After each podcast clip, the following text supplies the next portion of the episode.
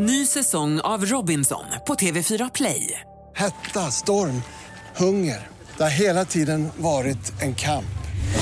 Nu är det blod och tårar. Fan händer just nu. Det. är Detta är inte okej. Robinson 2024, nu fucking kör vi! Streama söndag på TV4 Play. Podplay.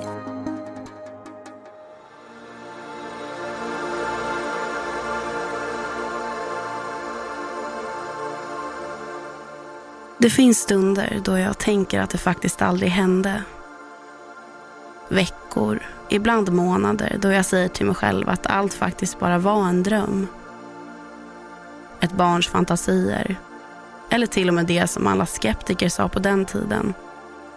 Någon sorts masspsykos. Men i längden går det inte att lura sig själv. För innerst inne vet vi ju jag och mina vänner som faktiskt var där, vi minns det så tydligt. Vi vet att det hände. Och nu är jag mer säker än någonsin. För jag märker ju att något håller på att hända igen. Jag kan känna det. En känsla jag inte känt på 30 år.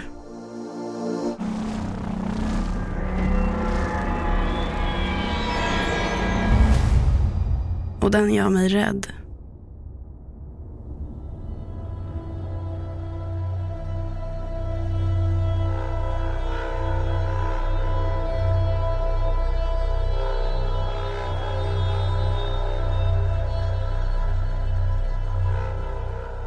Välkommen till Oförklarliga fenomen. Ett program där jag, Evelina Johanna Och jag, Filippa Frisell, Ta med dig på berättelser om mystiska, märkliga och obehagliga saker som hänt folk över hela världen. Saker som inte alltid går att förklara. Innan vi drar igång med dagens berättelse vill vi bara tipsa om en grej. Nya avsnitt av Oförklarliga fenomen släpps varje tisdag. Men om du vill höra avsnitten en dag före alla andra ska du gå in på podplay.se eller ladda ner appen. Helt gratis. Det här med liv på andra planeter. Jag personligen tror absolut att det finns. Jag tycker det känns orimligt att vi skulle vara den enda livsformen i hela oändliga universum. Frågan är ju bara om de här andra livsformerna någonsin har tagit sig hit. Där vet jag inte riktigt vart jag står men eh, efter dagens berättelse börjar det helt klart luta åt att vi kanske faktiskt har haft besök.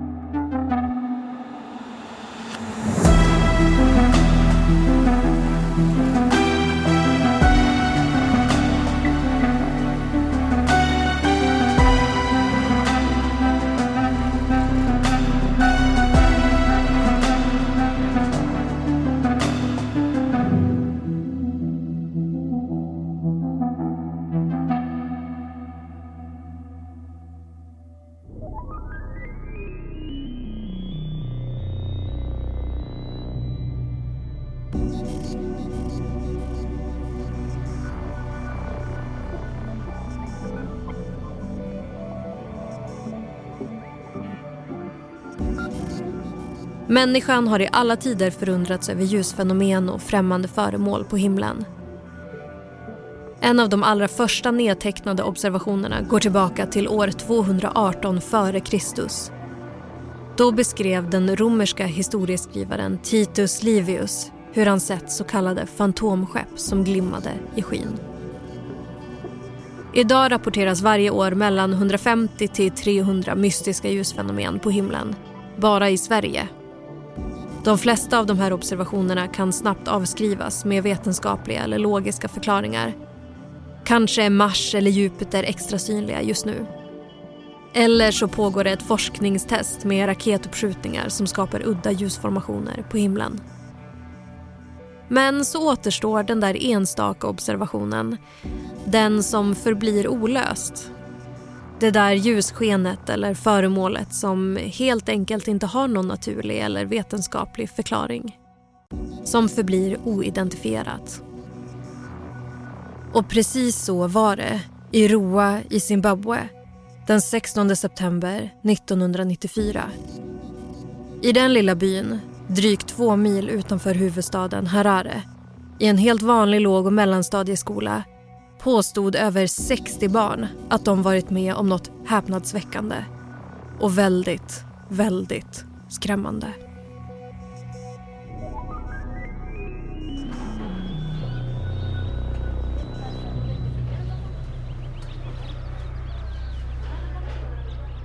Klassrummet är varmt och luktar damm och papper. Luftkonditioneringen surrar monotont och sövande och jag spanar ut över bänkarna. Eleverna är koncentrerade, djupt försjunkna i sina uppgifter. Utanför fönstren gassar solen över skolgården. Det är ovanligt varmt för årstiden och inte bara här tydligen. Min mobil blinkar hela tiden av nyhetsnotiser om alla katastrofer runt om i världen. Hettan som lämnar floder och sjöar uttorkade och spruckna. Djuren som törstar ihjäl ute på savannen. Jordbävningar, översvämningar. Jag orkar inte ta in allt elände så jag stoppar undan mobilen och tar ett varv i klassrummet istället. Jag kikar över barnens axlar, korrigerar Robert som envisas med att vända på alla små bokstäver. Hjälper Katie att stava till noshörning. Men vid Sallys bänk stannar jag till. Hej Sally, vad ritar du för något? Utan ett ord och utan att se på mig vrider hon långsamt teckningen åt mitt håll. Jag lutar mig närmre för att se. Och bilden hon har ritat sänder en kall kår längs min ryggrad.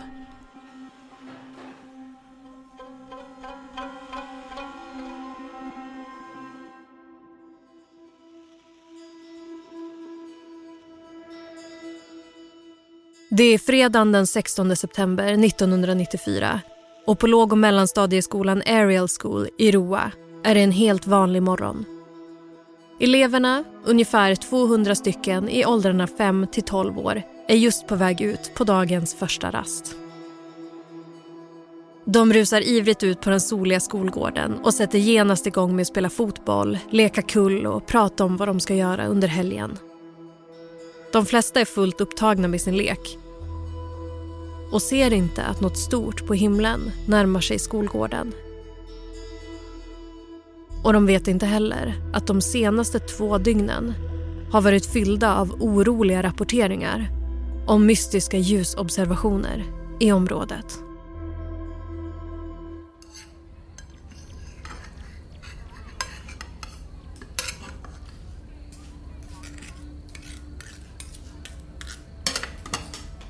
På min lunchrast är jag tankspridd och frånvarande. Jag lyssnar ofokuserat när mina kollegor i lärarrummet diskuterar. Något om vattenbristen i området och restriktionerna som börjar gälla imorgon på grund av torkan. Någon boxar till mig lätt på axeln. Det är Michael, min kollega och nära vän ända sedan vi var fyra år.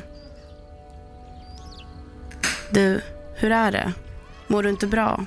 frågar han. Jag är tyst en stund. Ser bara på honom medan jag funderar på vad jag ska svara. Hur mår jag egentligen? Äsch, det var bara något på lektionen. Sally ritade en teckning. Michael ser nyfiket på mig.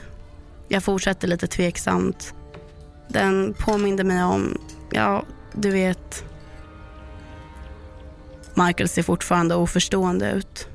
Jag tar ett djupt andetag, möter stadigt Michaels blick. Du vet vad jag menar. Det påminde mig om dem. Jag ser hur Michaels ögon rycker till och sen något mer i blicken. Är det rädsla?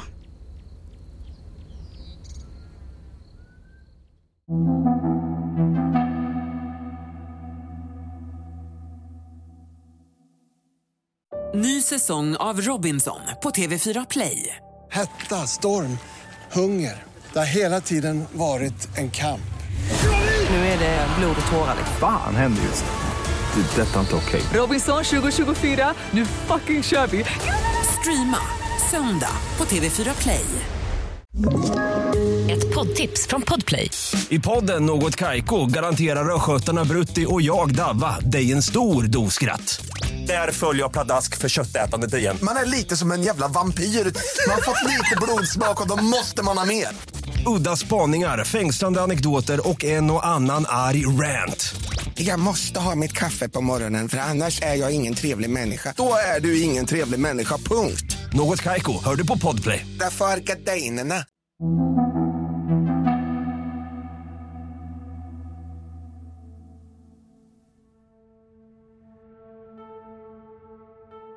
På skolan i Roa pågår leken för fullt när några av barnen plötsligt får syn på något i utkanten av skolgården.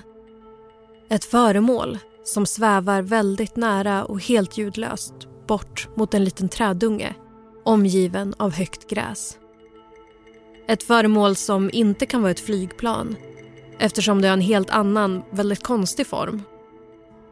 En grupp av barnen drar sig ditåt, nyfikna men också lite nervösa. Det här är något de aldrig har sett förut. Och vad de ser kommer att påverka många av dem för resten av deras liv. I det torra gräset står en skimrande diskformad farkost. Och intill farkosten ser barnen ett par skepnader. Kortare till växten än en vuxen och klädda i svart. Barnen blir avvaktande. Något känns fel. De här varelserna är helt olika någon människa barnen tidigare träffat. Och när varelserna plötsligt vänder sig vet barnen säkert.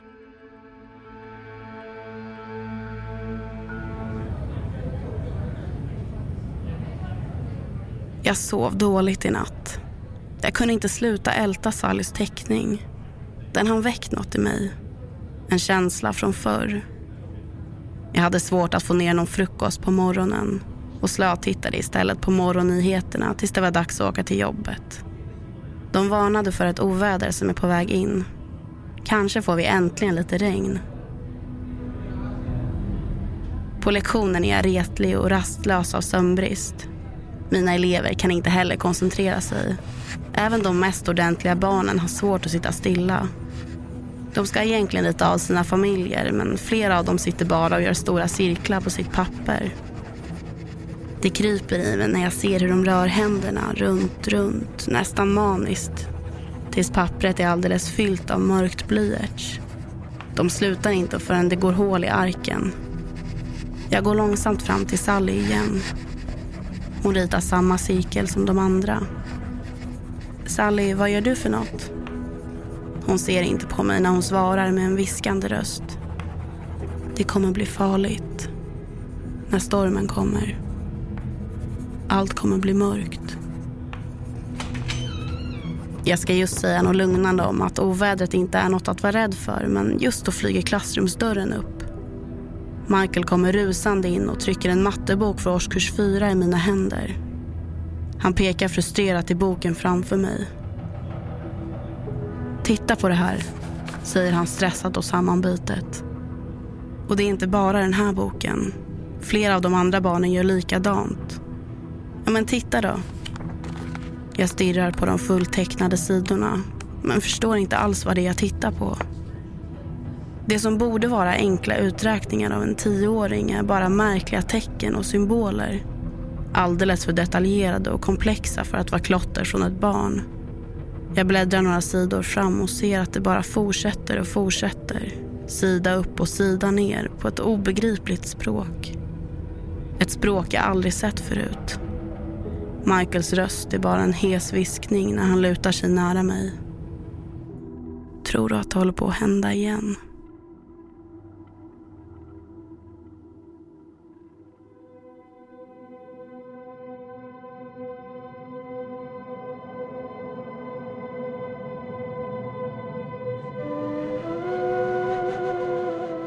Roa, 16 september 1994. Lärarna på Ariel School som suttit i personalmöte under barnens rast hör plötsligt ett oväsen från skolgården. De tittar ut och ser barnen komma rusande i en lång rad mot skolan, till synes skräckslagna. De skriker och många av dem gråter.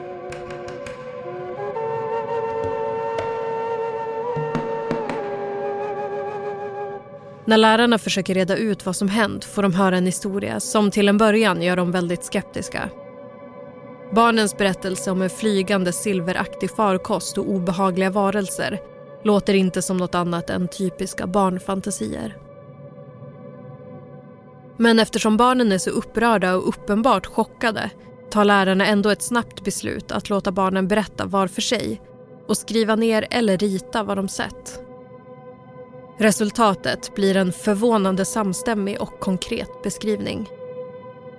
Och till slut måste lärarna acceptera det omöjliga. De känner sina elever väl och det de först inte kunde ta till sig eftersom det går emot allt sunt förnuft känns nu plötsligt mer och mer troligt. Barnen har varit i kontakt med något främmande. Något som faktiskt kanske inte tillhör vår värld. Och det som verkar ha skrämt barnen allra mest och som ska visa sig stanna kvar hos flera av dem upp i vuxen ålder är upplevelsen att varelserna gav dem ett meddelande. Inte muntligt, utan rakt in i huvudet, som telepati. Plötsligt hade alla barnen exakt samma skrämmande tanke. Något de aldrig tidigare tänkt och som nu, med facit i hand, skulle kunna tolkas som en profetia. Vi tar inte hand om vår planet. Därför kommer jorden att gå under och alla människor kommer att dö.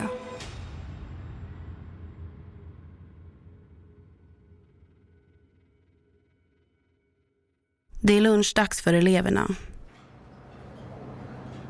Jag, Michael och våra kollegor sitter tillsammans med barnen i matsalen. Det är ovanligt tyst idag. En koncentration eller förväntan i rummet får luften att vibrera. Som att vi omges av elektricitet. Utanför fönstren är det också dödstyst.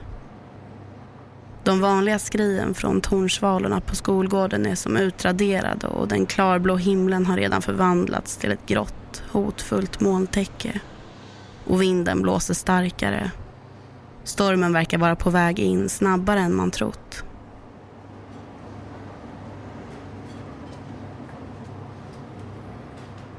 Jag är inte särskilt hungrig, trots att jag skippade frukosten. Och jag ser mig omkring i matsalen istället för att äta. Mina kollegor verkar precis som vanligt. Lite stressade och fast i ett samtal om något föräldramöte. Barnen däremot, de äter som att de inte fått mat på flera dagar. Snabbt och nästan mekaniskt slevar de hungrigt i sig av maten på tallrikarna. Dricker ur sina glas till sista droppen. Skrapar tallrikarna rena och torkar sig om munnen med händerna. Sen sitter de bara där som att de väntar på något.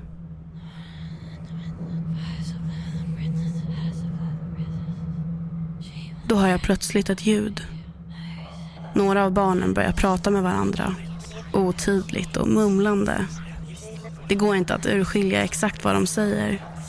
Jag skannar snabbt barnens ansikten, ett efter ett för att hitta vilka det är som pratar. Och det är då jag inser att inget av barnen rör på läpparna. Alla sitter helt blickstilla och uttryckslösa. Men ändå hör jag det, allt tydligare. Deras röster allt mer intensivt mumlande på ett obegripligt språk. Nästan som, som att de pratar baklänges. Jag ser på de andra lärarna, men ingen annan verkar höra det. Tills jag möter Michaels blick. Han stirrar på mig med uppspärrade ögon. Mimar till mig från andra sidan matsalen. Hör du också det där? Och inte förrän ett par sekunder senare inser jag att trots att han bara mimar till mig, helt ljudlöst, så har jag hört hans röst. Inuti mitt huvud. Som telepati. Det är precis som då. För 30 år sedan. Det håller på att hända igen.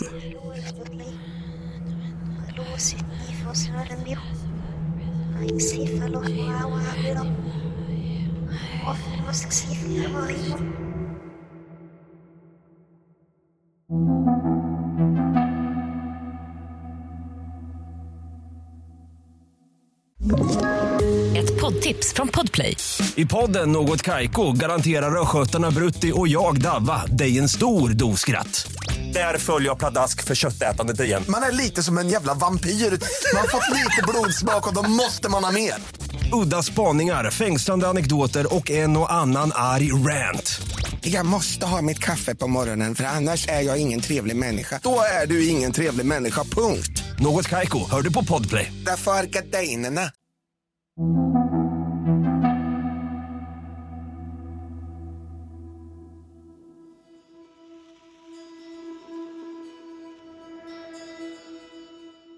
Barnens upplevelser på Ariel School får stor uppmärksamhet världen över. Tre dagar efter händelsen är flera internationella nyhetsteam på plats för att rapportera om vad barnen säger sig ha sett. Barnen intervjuas och får visa sina teckningar för kamerorna. Lärarna som uttalar sig är nu helt övertygade om att deras elever upplevt något till synes omöjligt.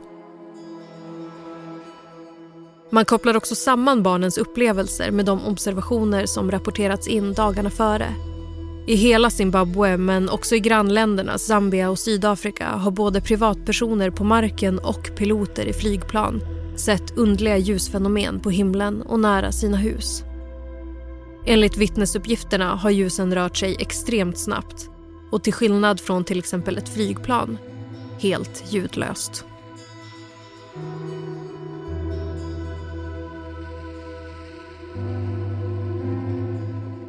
Ariel School får också besök av den sydafrikanska ufologen Cynthia Hind som aktivt undersökt ufo-rapporter sedan 1967. Hon gör en grundlig undersökning av platsen och lyssnar med stort intresse på barnen. Inför tv-teamen som är på plats säger hon att hon utan tvekan tror på barnens berättelser. Ett par månader efter händelserna kommer även Harvard-psykologen John E. Mack till Ariel School. Mack är specialist inom både vuxen och barnpsykiatri men bedriver under 90-talet också forskning inom utomjordiska upplevelser. Mac intervjuar barnen ett och ett och studerar noggrant deras teckningar och beskrivningar. I en intervju i samband med besöket är han övertygad om att barnen har varit med om något traumatiskt och att de beskriver något som med all säkerhet är verkligt. Baserat på sin erfarenhet som psykolog utesluter han helt att barnen skulle ha hittat på eller inbillat sig allt. Eller som skeptiker hävdar, att det rör sig om någon form av psykos eller masshysteri. Så vad är det egentligen som har hänt?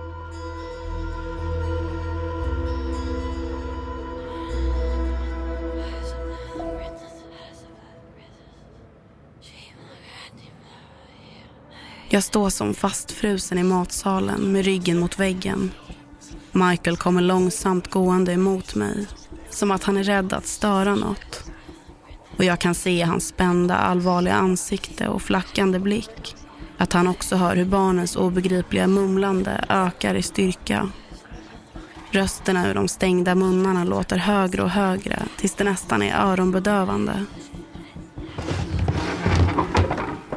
Och så helt plötsligt, som på en given signal, reser sig alla barnen från sina platser.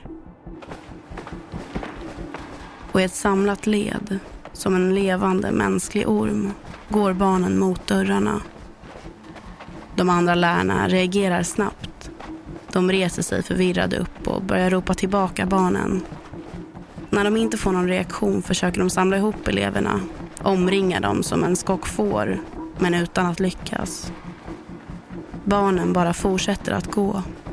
Jag och Michael står bredvid varandra och ser på dem. Och jag känner instinktivt att Michael vill precis samma sak som jag. Vi vill inte ropa tillbaka barnen eller hämta dem. Vi vill följa med dem. Inuti mitt huvud förändras nu barnens mumlande och övergår i en ton. Nästan som en flöjt men utan en tydlig melodi. Precis som ett lockrop.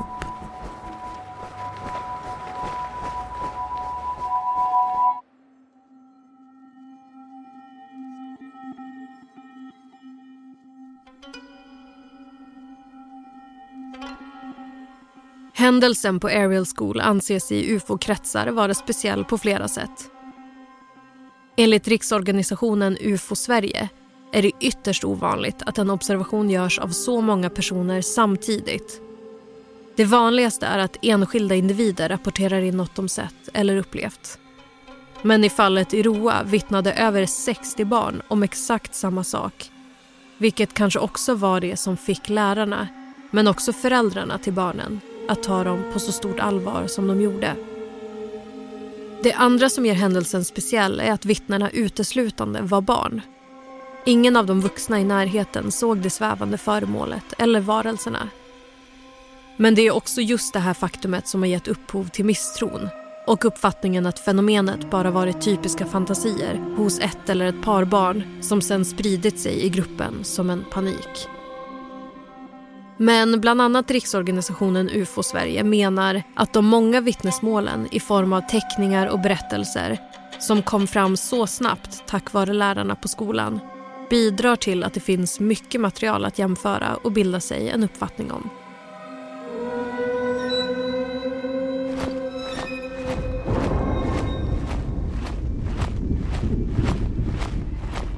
Vi marscherar tillsammans över skolgården. Michael, barnen och jag. Snabba, målmedvetna steg bort mot den vilda naturen som börjar där skolgården tar slut. Ovädret är över oss nu.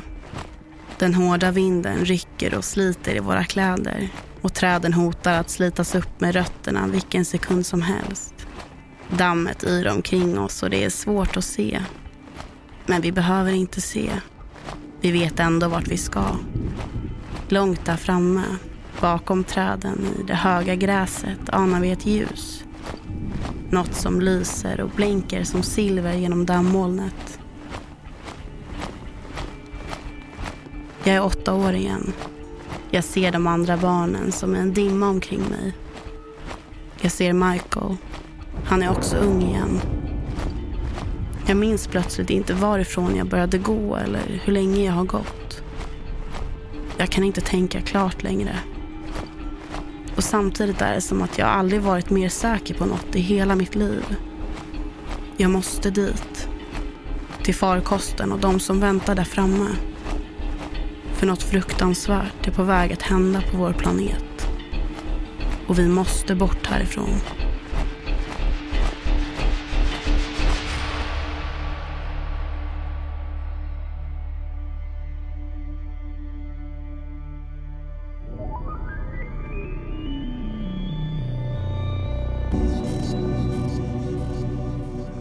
Flera av barnen har konsekvent hållit fast vid sina berättelser i hela sina liv. Och fenomenet på Ariel School fortsätter att väcka intresse. Så sent som 2022 kom en ny dokumentärfilm om händelserna och tidigare osedda bilder från platsen har också kunnat avslöjas. Men trots all medierapportering och den rikliga dokumentationen från barnen själva så förblir händelserna på Ariel School något ingen riktigt kunnat förklara. De enda som är helt säkra på vad som hände den 16 september 1994 är skolbarnen själva. Och det eller de som eventuellt besökte vår planet den dagen med ett oroväckande budskap.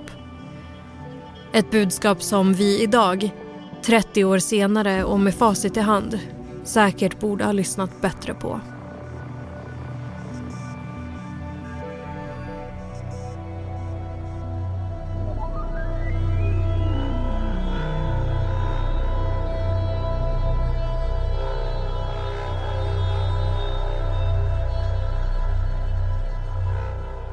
Du har lyssnat på Oförklarliga fenomen med mig, Evelina Johanna. Och mig, Filippa Frisell. Glöm inte att följa oss på TikTok där ni kan se bilder från Ariel School. Och har ni idéer på fler oförklarliga fenomen, lämna en kommentar eller skriv till oss på TikTok eller Instagram. Båda hittar ni om ni söker på ät oförklarliga fenomen. I nästa avsnitt av Oförklarliga fenomen ska vi berätta om gruvfrun i Blacksås. Om en plats djupt inne i bergen där ett urgammalt väsen sägs röra sig. Ett väsen som bara släpper ut dig om du kan följa vissa regler. Manuset i det här avsnittet är skrivet av Johanna Hellner. Redaktör Alex Häger. Originalmusik Adam Bejstam. Huvudtema Oscar Wendel. Ljuddesign och exekutiv producent Daniel Murberg. Oförklarliga fenomen görs av oss på podcastbolaget Cast.